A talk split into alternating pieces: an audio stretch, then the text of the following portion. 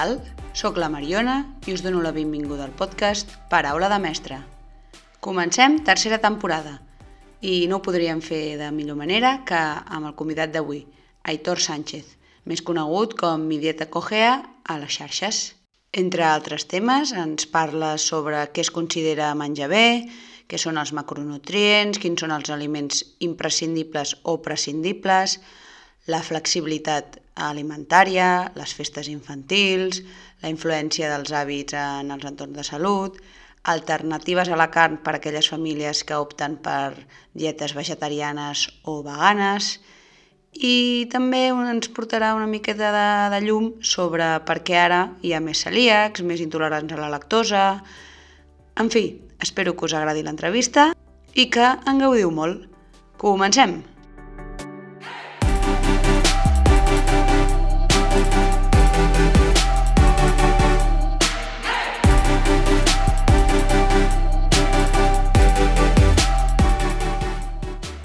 Hola, Aitor, ¿qué tal? Buenas tardes. Hola, Mariana. Buenas tardes, ¿qué tal? ¿Cómo estás? Aquí estamos, a ver si nos das un poco de luz en algunos temas un poco difíciles de entender. Perfecto, claro que sí. Yo hablaré en castellano, ¿eh? que, que soy de Albacete, pero, pero poco a poco. ¿eh? Solo faltaba, ¿eh? pero bueno, ya, ya vemos que, que, alguna cosa te arranca, ya, ya está bien, ya. Muy bien. Eh, nada, para empezar un poco, si te quieres presentar, muchas, eh, eres bastante conocido en redes, pero supongo que en un ámbito de educación, pues hay, o gente que me escuche, pues alguien puede que no te conozca, así que si te quieres presentar un poco qué haces, a qué te dedicas. Vale, pues yo soy dietista, nutricionista y tecnólogo alimentario. Son un poco las dos profesiones a, a, las que me dedico, aunque básicamente casi toda mi actividad profesional gira alrededor de la divulgación científica. Yo trabajo en medios de comunicación, también mis altavoces han estado muy marcados pues, por las entrevistas en medios, pues mi programa en radio, también las participaciones en televisión, los libros, las, las conferencias también que están en, en YouTube. Es decir, me, me, he dedicado sobre todo a la divulgación y bueno, desde hace unos años también un poco al, al mundo de, de, lo que viene siendo la, la asistencia clínica. Tengo con, con, mi socia Lucía Martínez una, una clínica, nuestro centro de nutrición, que está tanto en Madrid, en Valencia y en Palma Centro Aleris. Y nada, pues desde ahí intentamos un poco arrojar nuestra perspectiva también educativa. Hacemos mucha formación sanitaria, hacemos formación clínica, aparte de que obviamente nuestra actividad principal es la consulta. Y un saludo también desde aquí a, a todo el colectivo de la educación, que por cierto yo casi acabo estudiando magisterio porque... Ah, mira, no sabía. Sí, sí, es, es, una de las cosas que más me gusta, la, la, parte educativa. De hecho, toda mi formación que tengo sobre educación es, de alguna parte, viene de la educación no formal. Yo he estado mucho tiempo siendo formador en ONGs y, en el movimiento Scout y, y, sí que tengo bastante formación en, en eso, en ámbitos no formales de, de la educación.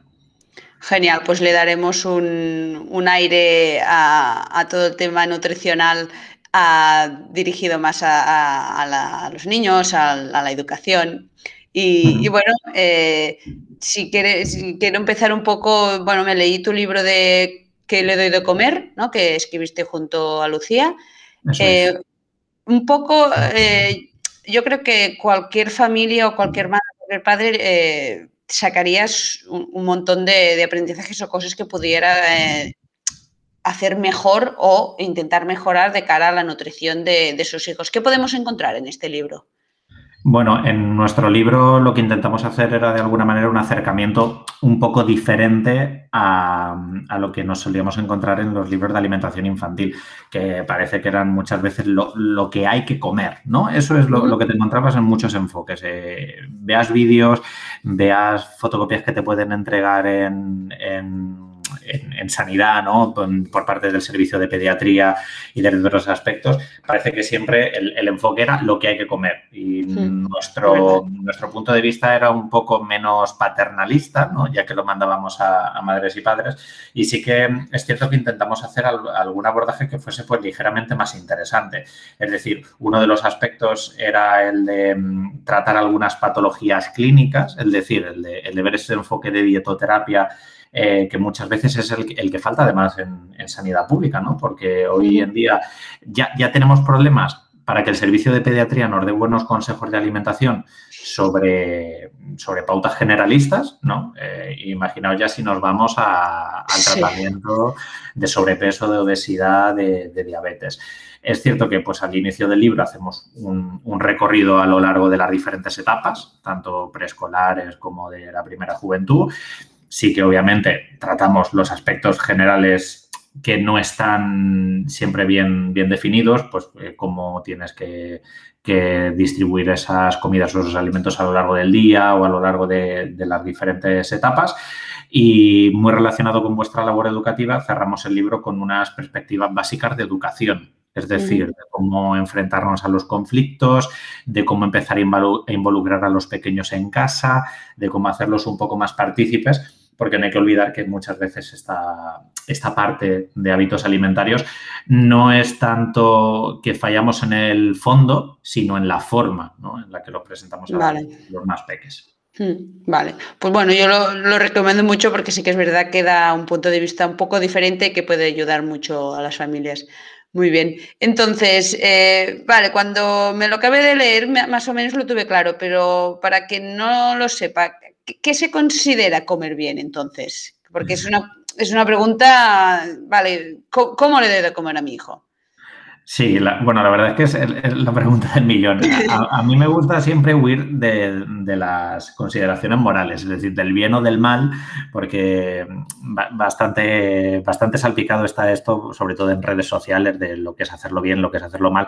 Si hablamos desde el punto estrictamente saludable, es decir, lo que es comer saludable, pues lo tenemos claro que es una alimentación saludable, aquella que previene enfermedades, tanto de la infancia y también obviamente que va a permitir un correcto desarrollo de, los más pequeños de la casa.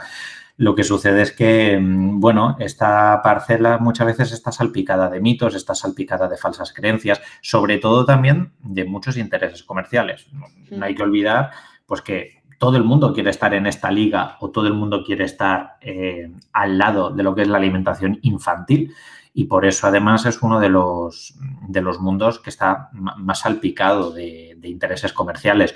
Tenemos un montón de preparados infantiles, eh, papillas, yogures especialmente formulados para, eh, vamos, prácticamente casi todo lo que dice ser alimento infantil hmm. dice que está especialmente formulado para niños y niñas, cuando realmente no es así, está especialmente formulado su marketing que nos hacen creer que, son necesarios. Pero nada, aplicando un poquito de sentido común, nos damos cuenta que echando la vista atrás, hace 100, 200 años no había ninguna clase de estos productos y el ser humano no los necesita. ¿Qué, qué puede comer, por lo tanto, un niño o una niña? Pues nada, comida, comida machacada, obviamente siempre acorde al nivel de desarrollo tanto psicomotriz como al nivel de la maduración de los diferentes sistemas del cuerpo.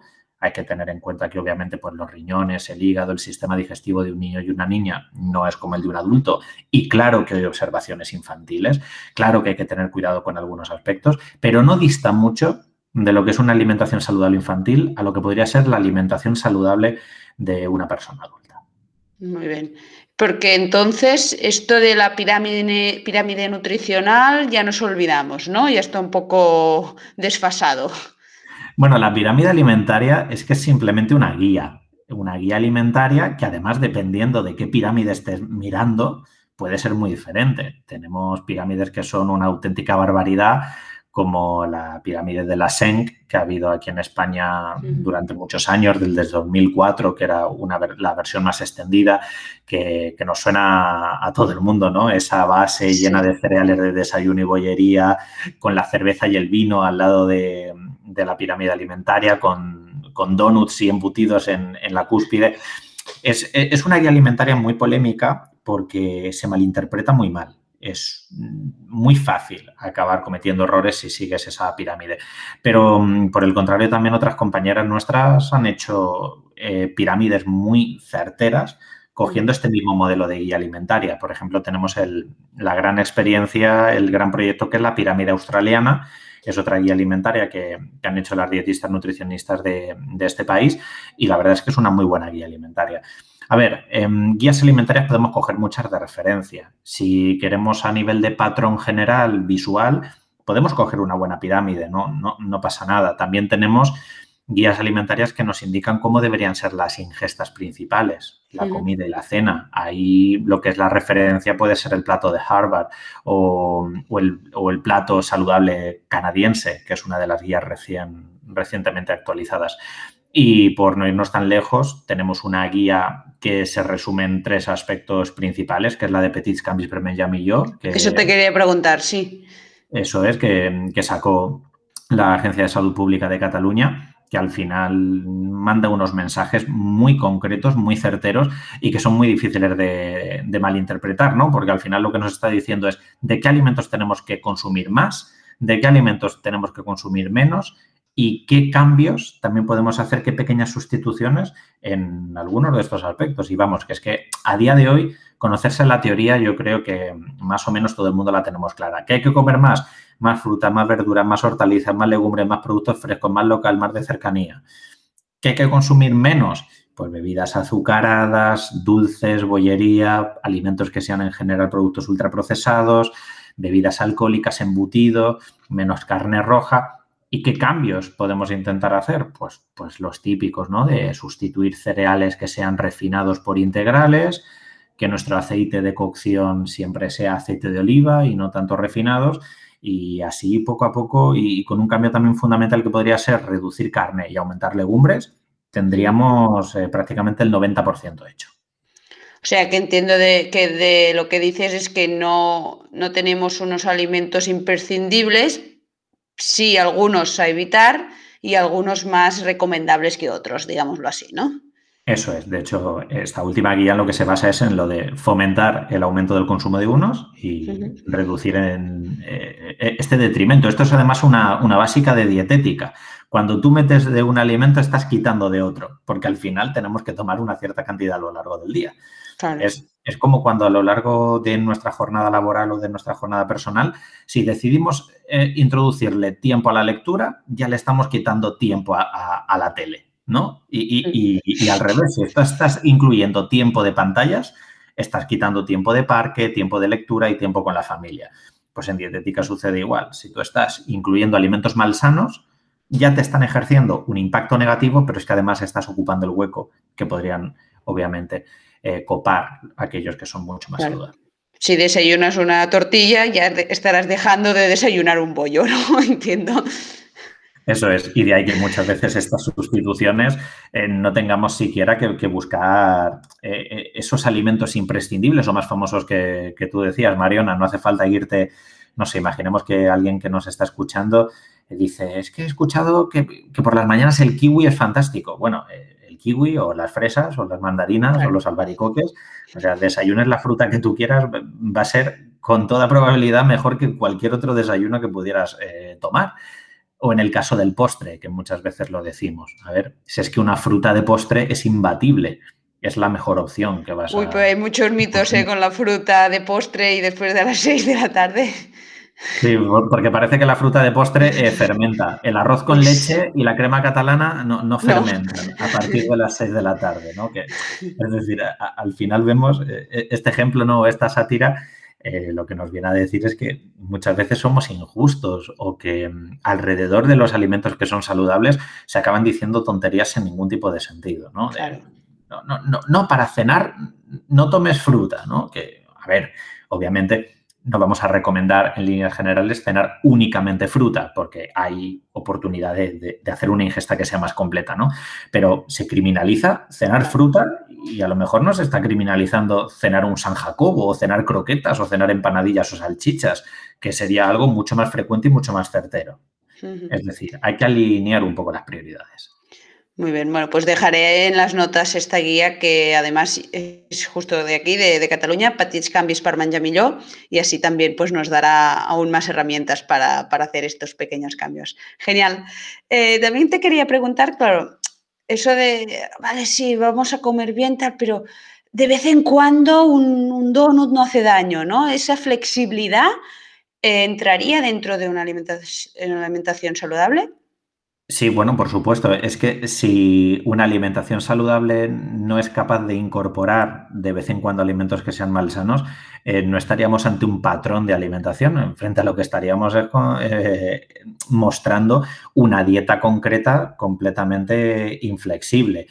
Ahora, hay un camino o hay una diferencia entre mm, que de vez en cuando podamos tener un pequeño espacio para alimentos que no sean del todo saludables y que en una celebración o que en un momento especial, una vez a la semana, dos veces a la semana, puedas tomarte pues, un dulce o tomar un capricho que se sale de ese patrón que sea saludable.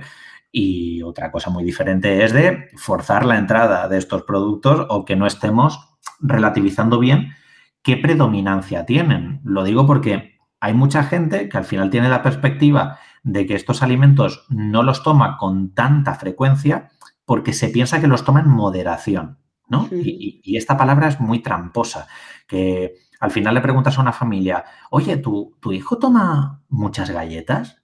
¿Y, qué son muchas galletas? Porque parece que nadie lo sabe. ¿Qué es muchas galletas? Yo, siempre pongo eh, esta anécdota, no porque como me pasó a mí es cierto, lo, comento a veces porque me parece que muchas familias se pueden ver reflejadas. A mí me criaron mi madre y mi abuela y ellas me daban galletas dos veces al día, a veces tres veces al día y lo hacían con la mejor de sus intenciones y en ningún momento ni mi madre ni mi abuela tenían la sensación de que por darme 21 veces a la semana galletas lo estaban haciendo en exceso pues no pasaba nada. ¿Qué se desayunan? Galletas. Y luego para merendar, pues otro vaso de leche con galletas. Y total, ¿qué más da? Entonces tenemos ciertos alimentos, tenemos algunas ingestas un poco manchadas en las que es muy difícil percibir que, que estamos consumiendo alimentos que sean malsanos. ¿Un roscón de reyes, unas torrijas de Semana Santa? Pues está claro que sí, que eso únicamente va a estar una vez al año, no tiene sentido alguno empezar a discutir sobre si son o no saludables.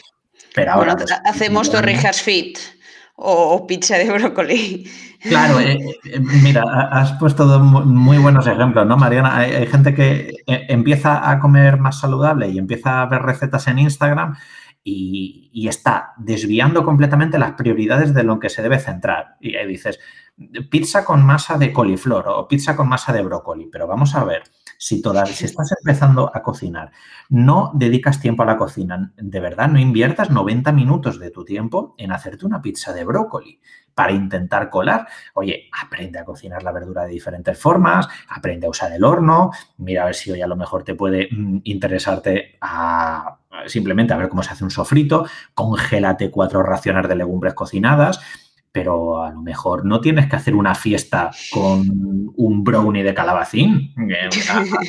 A, lo mejor hay que ver que esos eventos son directamente excepcionales, te los tomas con toda la normalidad y cuando sea el cumpleaños de alguien de tu familia, pues te tomas la tarta. No hace falta que sea tarta con pasta de dátiles y te pienses que además son más saludables y el resto de días comes perfectamente saludable, ¿no?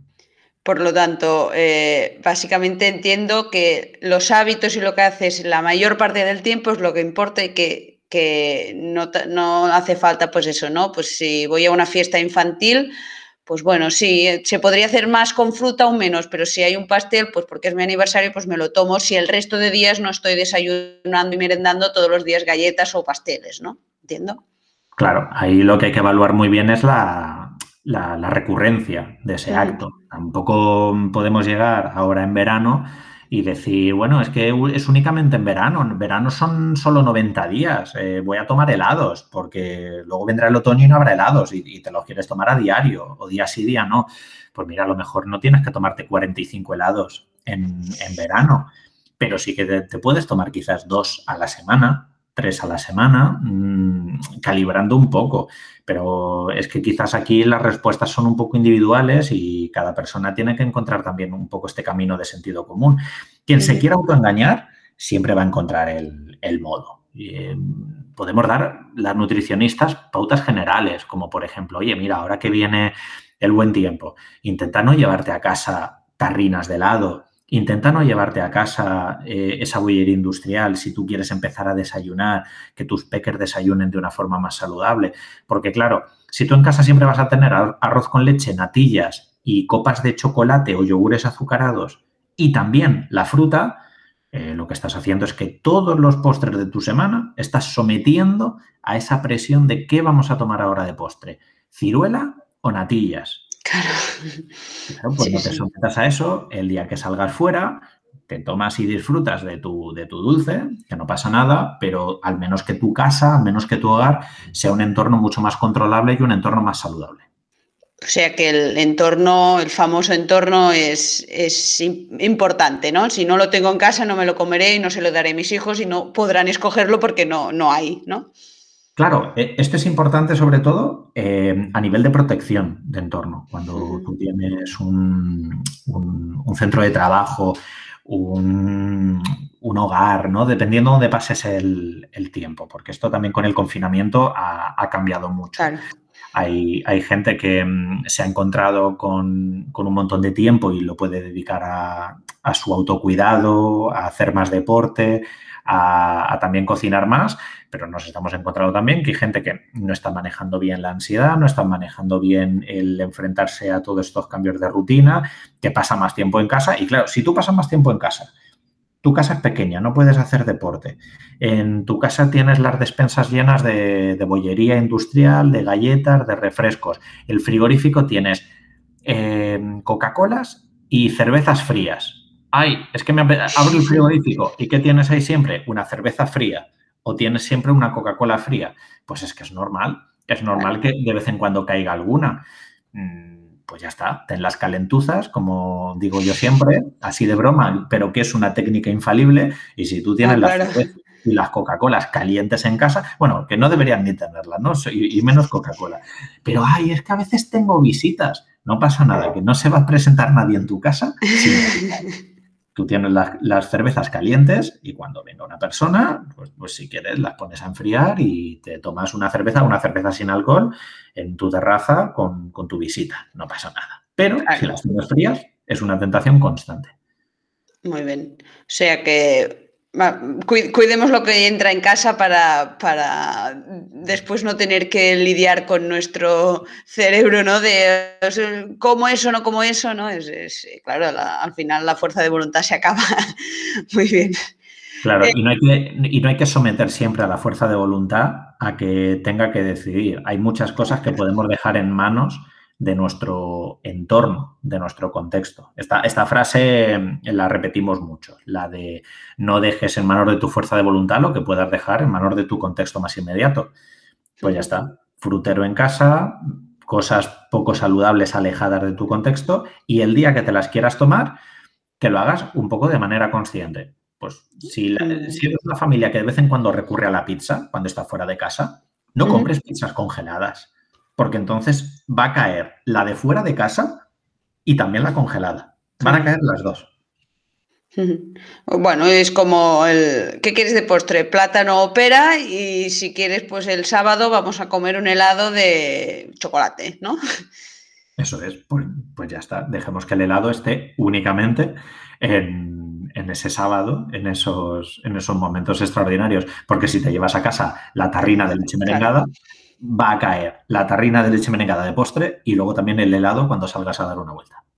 Muy bien, eh, genial. Eh, también te quería preguntar por un tema un poco que hay familias que no lo ven tan bien o que se ahora está más de moda o, bueno, más de moda o la gente se está concienciando más en tema de, medio ambiente, de salud, de quitar un poco alimentos eh, de origen animal o no por completo, o hay gente que sí, pero al menos reducirlos, ¿no? ya sea por temas éticos o por tema de, medio ambiente.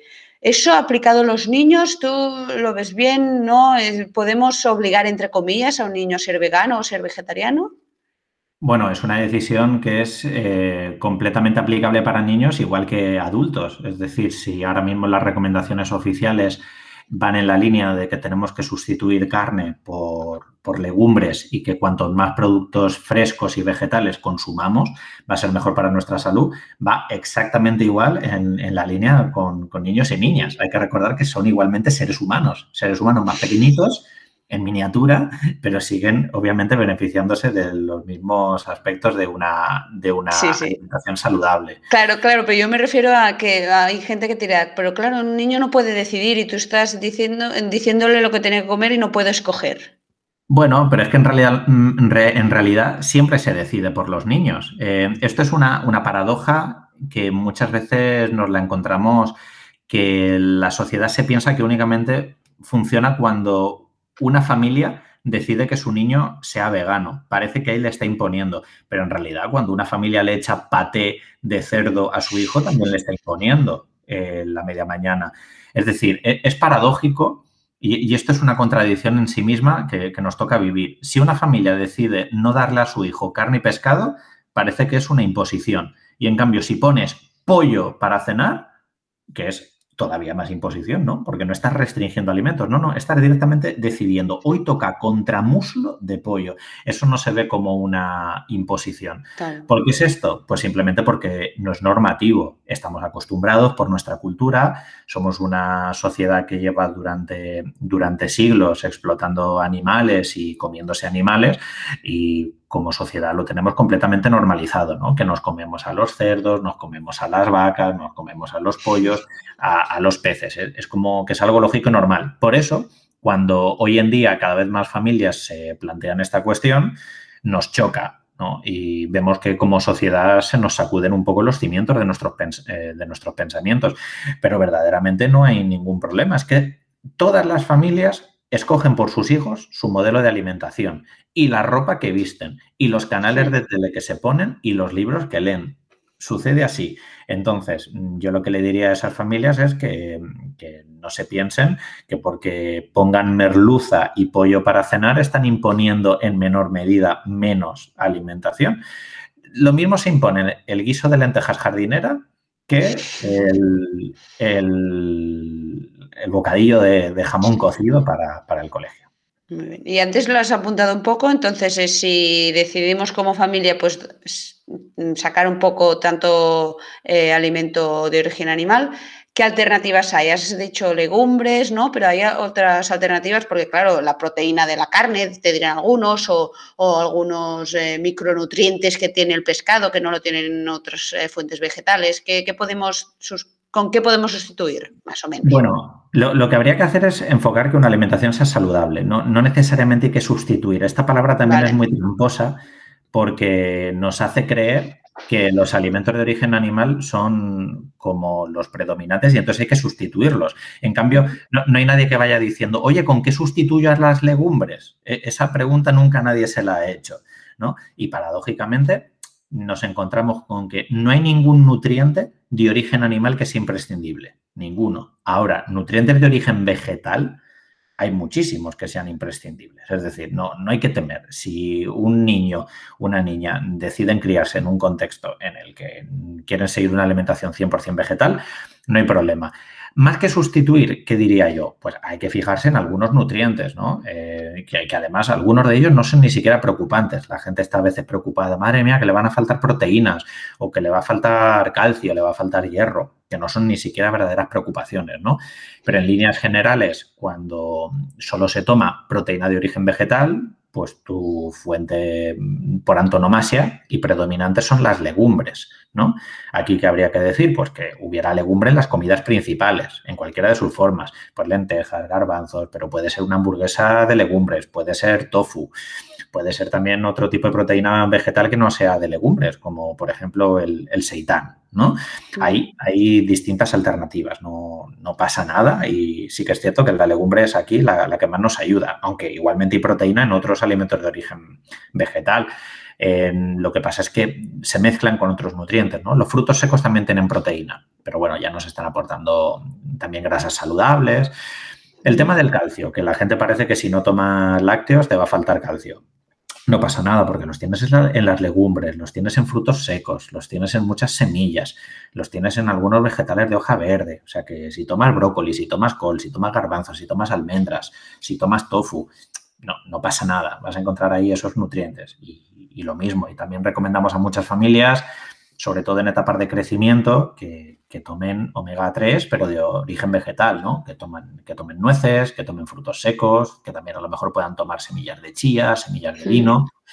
E igual que le recomendaríamos a un adulto, pues que se suplemente la vitamina B12, que es la única vitamina que hay que suplementar en población vegetariana y vegana.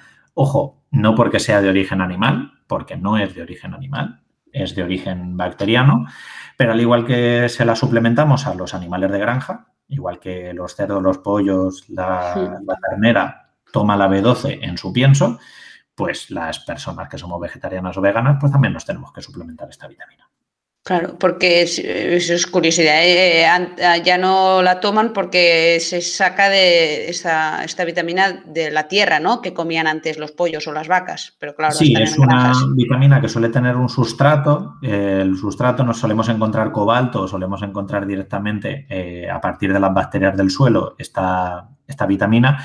Y bueno, por nuestro modelo de producción, como no tenemos a los animales directamente comiendo del suelo, ¿no? que no están arrancando pasto o no están tomando eh, las aves, pues los insectos, los gusanos y los cereales del propio suelo, como no tienen acceso a esos nutrientes y en muchas explotaciones intensivas están comiendo directamente del pienso, hay que proporcionarles esa vitamina B12. ¿Cómo lo hacemos?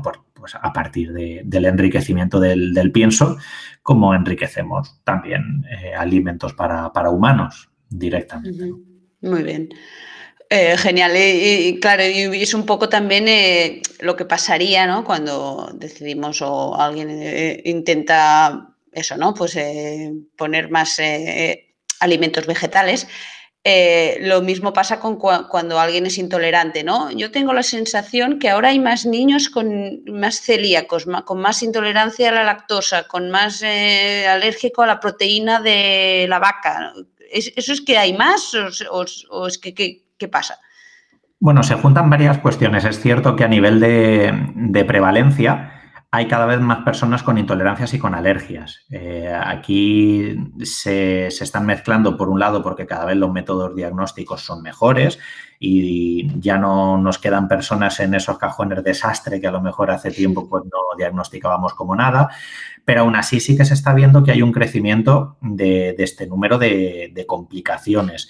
Y parece ser que el motivo, la etiología es un poco diversa porque se está mezclando la occidentalización de nuestra alimentación, es decir, que como no comemos muy bien estamos ya predisponiendo a, a esas intolerancias y esas alergias que ya incluso desde la alimentación, desde que las mujeres están embarazadas, se puede predisponer. Hay también parte atribuible a todo el tema medioambiental, a la contaminación que nos rodea. Es decir, que sí que es cierto que hoy en 2021 hay más alergias e intolerancias que en 1980, ¿no? A, grandes rasgos. Eh, lo que deberíamos hacer es, uno, desde el punto de vista de salud pública, intentar llevar una sociedad un poco más saludable, ¿no? Haciendo más deporte, comiendo mejor y viviendo en entornos un poco más en contacto con la naturaleza para que no desarrollemos estas inmunizaciones tempranas, pero luego una vez que aparecen, pues obviamente hay que seguir un, un modelo de alimentación sin los nutrientes que sean conflictivos, una intolerancia o una alergia, pues cada una de ellas hay que manejarlas de una forma diferente y nada, nos adaptamos a, cada una de ellas para que las personas puedan seguir una vida lo, más normativa posible a pesar de sus restricciones. Muy bien, genial. Pues eh, para ya ir acabando, solo te quería hacer como también he empezado con la pregunta del millón de qué es comer bien, ahora te haré otra, que es qué podemos hacer o qué acción prioritaria harías tú para frenar eh, esta pandemia que también existe de, obesidad, concretamente de obesidad infantil, que hay casi un 40% de, niños en España que son obesos o con, o con sobrepeso. ¿Qué, ¿Qué acción dirías, mira, con esto empezaríamos a mejorar un poco? Bueno, pues hay muchas acciones que se pueden hacer y yo creo que la clave de cada una de ellas va a depender en, el entorno en el que estemos hablando, ¿no? Si hablamos del entorno familiar, ¿qué habría que hacer? Pues seguir una dieta saludable en, la familia. Si hablamos desde un punto de vista educativo, desde la escuela, ¿qué se podría hacer? Pues hacer planes de educación alimentaria en los que se eh, capacitasen a los peques con habilidades culinarias o para que puedan realizar compras saludables Si estamos hablando desde el punto de vista de la publicidad, restringir los anuncios que están viendo eh, niños y niñas de alimentos que son malsanos desde los contextos y los entornos, eh, las máquinas de vending, todos los alimentos eh, superfluos ultraprocesados a los que muchas veces están expuestos en su día a día. Desde la industria alimentaria, mejorar las formulaciones y que no fuesen tan catastróficas a, nivel de oferta alimentaria los caterings de las escuelas, se pueden mejorar los menús infantiles, a nivel de salud pública, incorporar dietistas nutricionistas, a nivel económico, mejorar el, precio de frutas, verduras y hortalizas. Es decir, dependiendo en qué ámbito estemos, se pueden realizar muchísimas, muchísimas acciones. Entonces, lo, lo, que está claro es que el sobrepeso y la obesidad es un monstruo que no lo podemos combatir con una única acción y que, bueno, aprovechando que nos estarán escuchando personas desde muy diversos ámbitos, que dentro de su campo de acción intenten cambiar un poquito mm, allá donde les toque el, el, contexto para que la alimentación de los más pequeños de la casa y en este caso de nuestra sociedad pues pueda ser un poquito más saludable. Genial, o sea que todo no lo podemos hacer todos, pero sí que si ponemos nuestro granito de arena en ese sector en el que estamos, ¿no? Pues, pues mejor que mejor. Eso es. Sí, bueno, yo desde aquí, pues desde el punto de vista educativo, pues ya, ya intento hacer algo, aunque seguramente se, necesite mucho más. Eh, pues eh, nada más, eh, Aitor, ¿dónde podemos encontrarte? ¿Dónde te pueden escuchar o, ver tus, tus eh, divulgaciones en las familias? ¿Dónde estás? Vaya. Bueno, en todas las redes sociales siempre con el mismo nombre, que es Mi Dieta Cogea, tanto en Twitter, en Facebook, en Instagram, en YouTube, eh, aparezco con, con, Mi Dieta Cogea. Eh, la gente también puede leer pues, mis libros y concretamente sobre la temática que hemos hablado hoy, el que tengo con mi, con mi compañera y amiga Lucía Martínez, que es ¿Qué le doy de comer? Y también nos podéis encontrar bueno, en nuestro centro de nutrición, que es también donde echamos un cable tanto a pacientes y familias a título particular, como también a, escuelas, centros educativos, que muchas veces les echamos un cable tanto con, con adaptaciones curriculares, con actividades que pueden hacer eh, todo el profesorado y jefatura de estudios y también con muchos menús que lo hacemos desde el centro Aleris. También si alguna escuela, alguna AMPA, algún centro educativo necesita un cable, también por ahí os podríamos ayudar. Genial. Pues muchas gracias de verdad eh, por, venir aquí al podcast y, darnos un poco de, idea eh, o de tips para, mejorar la alimentación en general y, más, más concretamente con, los niños. Genial, pues bueno, otra vez muchas gracias y, nos vemos. Un abrazo. Un abrazo, merci Mariana. Adiós. I fins aquí l'entrevista d'avui. Quin gran honor haver vingut a l'Aitor a Paraula de Mestre. Realment, jo, personalment, he après molt. Res més, us deixo tot del que hem parlat a les notes de l'episodi i ens escoltem a la propera. Abraçada!